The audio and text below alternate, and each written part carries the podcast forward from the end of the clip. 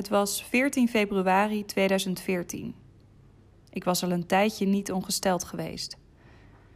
En ik had wat buikkrampen gehad die ik niet kon verklaren. Dus ik kocht een test. Ik ging naar mijn studentenkamer in Amsterdam, waar ik toen nog woonde met mijn huisgenootjes, om daar de test te doen. Mijn kamer stond vol met verhuisdozen. Mijn vriend en ik uh, zouden die week erop ons eerste huisje betrekken. Dus eigenlijk tussen het inpakken door deed ik even die test. Want ja, ik had er ook weer niet zoveel van verwacht. En ik keek. Ik weet het nog precies. Ik keek. En toen stonden daar ineens twee streepjes. Holy shit. Ik kreeg echt even een wegtrekker. Ik kon het gewoon niet geloven. En tegelijkertijd was ik zo flabbergasted dat ik opnieuw de beschrijving moest lezen of ik het wel echt bij het rechte eind had. Ik had een soort van blackout. Ik kon niet meer logisch nadenken. Ik wist niet wat ik zojuist gezien had. Dus het eerste wat ik deed, was maar weer terug naar die supermarkt voor een nieuwe test. Want ja, je hoort wel eens van die verhalen dat er ook testen tussen zitten die niet deugen. Ik dacht nog van nou, misschien dat dat dan bij mij het geval is geweest. En misschien had ik er wel zo eentje te pakken gehad. Maar ook die test was weer positief. Dus ik mijn vriend gebeld. Uh, die stond op dat moment op een indoor skibaan in Zoetermeer. En ook die was uiteraard helemaal in shock. Hoe kan dit? Hoe kan dit gebeuren als je aan de pil bent? Wat moeten we nu doen? Je studeert nog, je hebt nog zoveel plannen. We hebben nog zoveel plannen.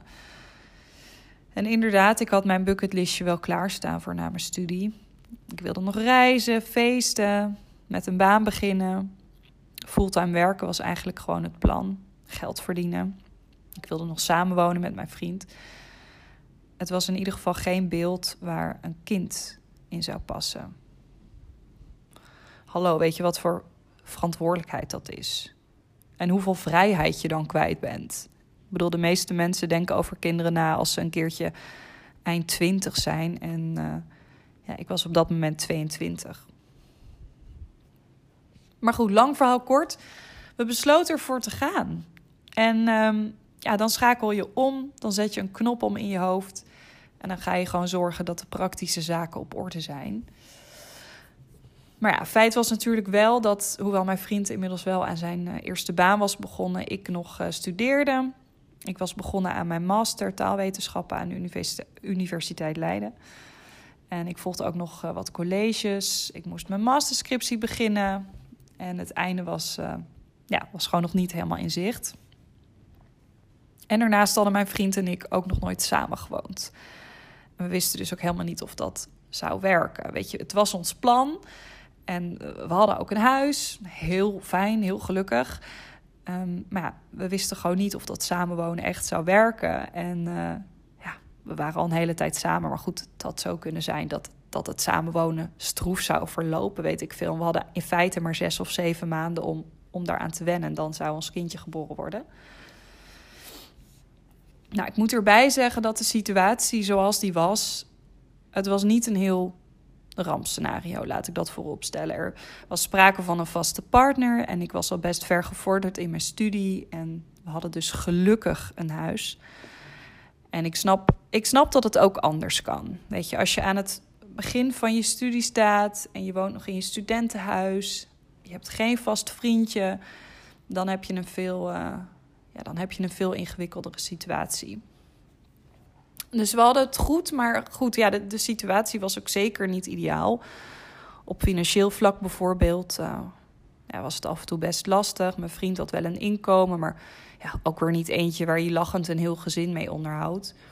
En ik had wel wat baantjes en ik leende dan bij. Ik had, ja, leende gewoon, uh, ik, ik weet niet eens meer, leende bedrag bij. Dus ik had ook wel een inkomen. Maar goed, studeren zelf is natuurlijk duur genoeg.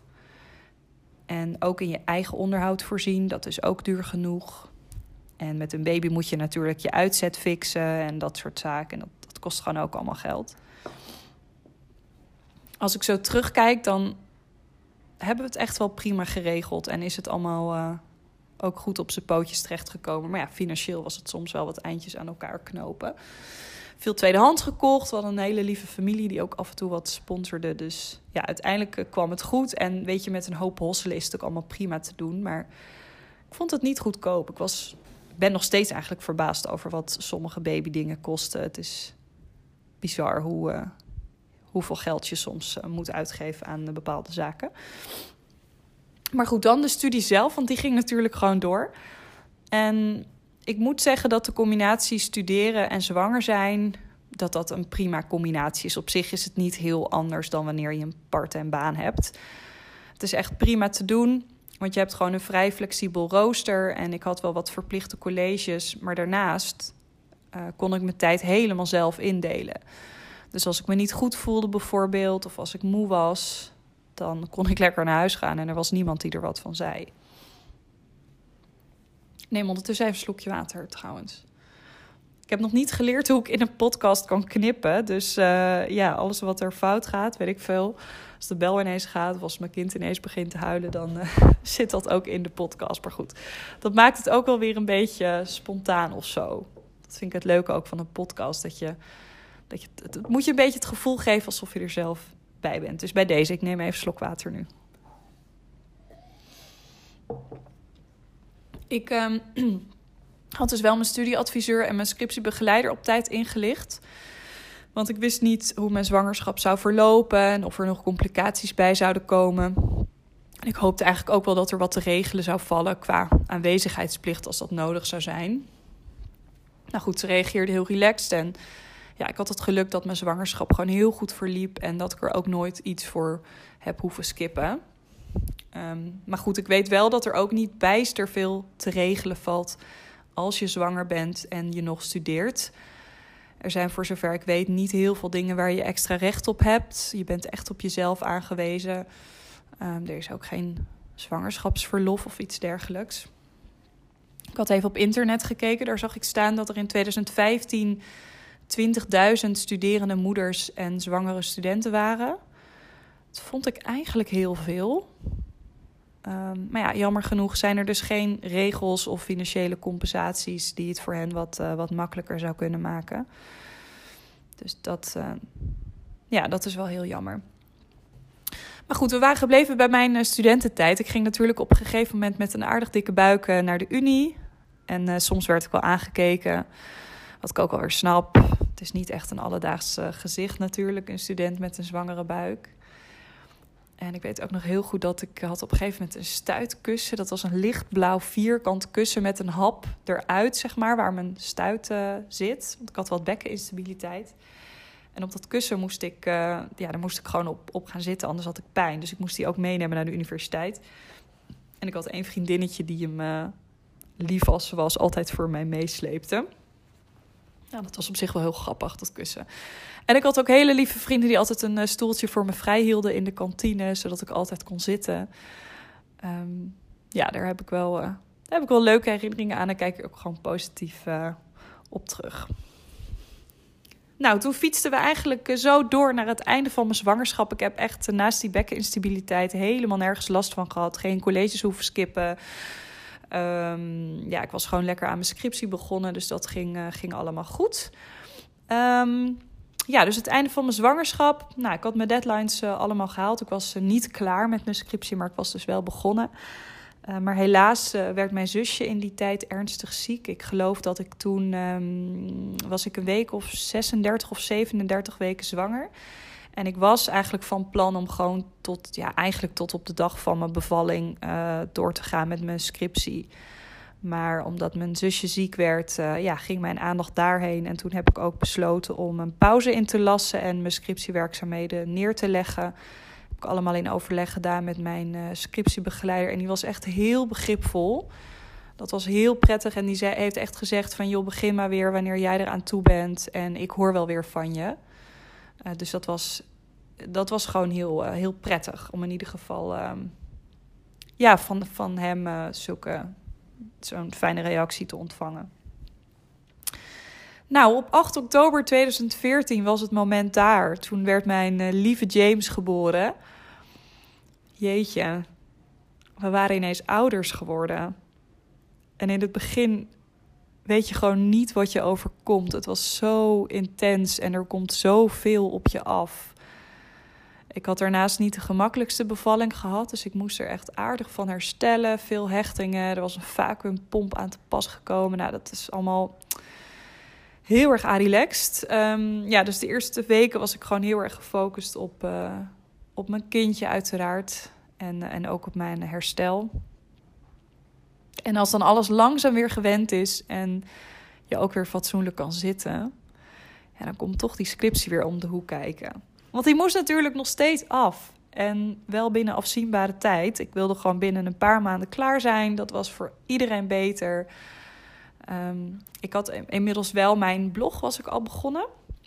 En dat liep, ook, uh, dat liep ook best wel goed. Ik haalde daar ook al wat inkomsten uit. Dus dat gaf me enige zekerheid. En ik was ook gewoon van plan om daarmee door te gaan uh, na het behalen van mijn diploma. dus ik probeerde dat toen een beetje te combineren. De werkzaamheden van mijn blog en het schrijven van mijn scriptie. Ja, dan moet je dus ineens onderzoek gaan doen en uh, gaan schrijven met een baby op je arm. En dat is toch een stuk pittiger dan wanneer de baby in je buik zit. Ik weet nog dat ik echt zo ontzettend moe was van die slapeloze nachten. En dacht van hoe, hoe moeten andere ouders dit doen? Hoe gaat dit nou als je een baan hebt en je zit met die enorm gebroken nachten? Weet je, we sliepen soms niet meer dan twee uur per nacht. Dus het was een, uh, een intense periode toen. Maar ik had wel gewoon heel duidelijk uh, één doel. En dat was afstuderen, koste wat het kost. En met mijn kindje had ik natuurlijk een extra motivatie om het zo snel mogelijk klaar te krijgen. Oké, ondertussen gaat mijn uh, Google uh, Assistant aan. Heel fijn. Goed, dus ik, ik had mijn kindje en dat was mijn extra motivatie om het zo snel mogelijk af te krijgen. Dus ik, um, ik was s'avonds veel aan het studeren. Ik bracht James geregeld naar familie ook. Uh, die paste dan op en dan ging ik naar de UB om aan mijn scriptie te zitten. En uh, ik heb ook heel wat uurtjes met James op mijn arm achter de laptop doorgebracht. En uh, ja, tijdens de slaapjes dan probeerde ik ook wel wat, uh, wat te doen. Maar dat, ja, van die slaapjes van anderhalf uur, dat is dan ook weer net te weinig om, om heel veel te kunnen doen. Dus het was veel s'avonds en ja, dat, het, ik vond het wel uh, pittig. Dat, is, dat, dat was echt wel veel pittiger dan, uh, dan met een uh, dikke buik op de unie rondlopen om te studeren. Met een kind heb je gewoon, ja, je hebt er een klein mensje bij waar rekening mee gehouden moet worden. En ja, jouw werkzaamheden gaan gewoon door. Ik moest me echt aan een strakke planning houden. Dat is voor mij gewoon sowieso al een hele uitdaging, want ja, ik had niet eens een agenda. Ik moest echt zo efficiënt mogelijk werken en ook dingen met vrienden bijvoorbeeld, dat kwam op een lager pitje te staan. Al mijn tijd ging op uh, aan, uh, aan de scriptie. Maar goed, die moeite was niet voor niets, want ik behaalde uiteindelijk uh, toch zoals ik wilde binnen een paar maanden mijn papiertje. En toen viel er zo'n ongelofelijke last van mijn schouders af. Niet normaal. Ik was zo ontzettend blij dat het gelukt was en dat ik nooit meer terug hoefde naar de Unie. Of nou ja, nooit. Ik ben toen nog, ik weet nog dat ik met de kinderwagen uh, met James uh, nou, wat, dingen, wat dingen had ingeleverd. Dat was ook wel een heel gek moment. Maar goed, ik trok toen de deur achter me dicht en ik wist, ik hoef hier in principe nooit meer te komen. En ik heb studeren altijd echt heel erg leuk gevonden. Ik heb, er ook, ik heb het nooit moeilijk gevonden of er nooit heel veel moeite voor hoeven doen. Of dat het echt uit mijn tenen moest komen of zo. Ik heb altijd wel motivatie gehad. Maar ja, met een kindje erbij is het gewoon andere koek. En dan wil je het zo snel mogelijk achter de rug hebben. Nou, terugkijkend, ja, kan ik eigenlijk wel stellen dat het combineren van een, een zwangerschap en uh, een studie dat dat best prima te combineren is. Wat ik al zei, ik vind het een beetje als het combineren van een part-time baan met zwangerschap of met het moederschap. Sterker nog, je hebt eigenlijk veel meer vrije tijd, veel meer vrijheid en uh, ja, je kan heel flexibel uh, je tijd indelen. Maar goed, het is wel fijn als je het financieel allemaal op een rijtje hebt en ja, die kans is toch wel groter wanneer je allebei al werkt. Dat was wel, tenminste, ja, Weet je, als we ooit echt heel bewust zo aan kinderen waren begonnen, dan, ja, dan, dan wilden we gewoon het financiële plaatje op orde hebben. Een goede, stabiele financiële basis. Nou, met, met iemand die studeert is dat, uh, is dat gewoon een ander verhaal. Maar goed, wat ik ook al zei, het maakt ook uit of je een, een vaste partner hebt, um, of je een geschikt huis hebt, dat soort zaken. En wat nog dan in mijn voordeel was, was dat, dat ik echt het einde van mijn studie, dat was al heel erg in zicht. Ik kan me voorstellen dat het echt wel pittiger is wanneer je aan het begin van je studie staat en je ook nog veel meer aanwezigheidsplicht hebt. Dan, uh, dan is het een stuk lastiger. Maar het is uh, zeker niet um, onhaalbaar. Maar goed, ik zou gewoon aanraden, als ik een beetje vanuit mijn eigen ervaring uh, spreek, gewoon aanraden om eerst lekker de dingen te doen die je wilt weet ik veel, reizen, genieten van je vrijheid. Het feit dat je nog geen eh, verantwoordelijkheid hebt over een mini-mensje. Dat je dat gewoon eerst allemaal lekker gaat doen en ervan gaat genieten. En dan uh, aan kinderen gaat beginnen. Um, ja, dat was de podcastaflevering voor deze keer. Bedankt voor het luisteren. Um, het kan natuurlijk zijn dat, uh, dat, dat sommigen van jullie al een en ander van het verhaal op mijn blog hebben gelezen. Maar ik dacht, ik maak er gewoon een podcast over. Want dan kan je toch even net wat meer details uh, vertellen. Maar mocht je er nog vragen over hebben of meer willen weten, dan kun je me altijd benaderen via Instagram. Mijn naam is daar ook uh, Lavisanne aan elkaar. En uh, ja, dat is eigenlijk wel het platform waarop ik het meeste contact heb met volgers. Dus je bent er meer dan welkom.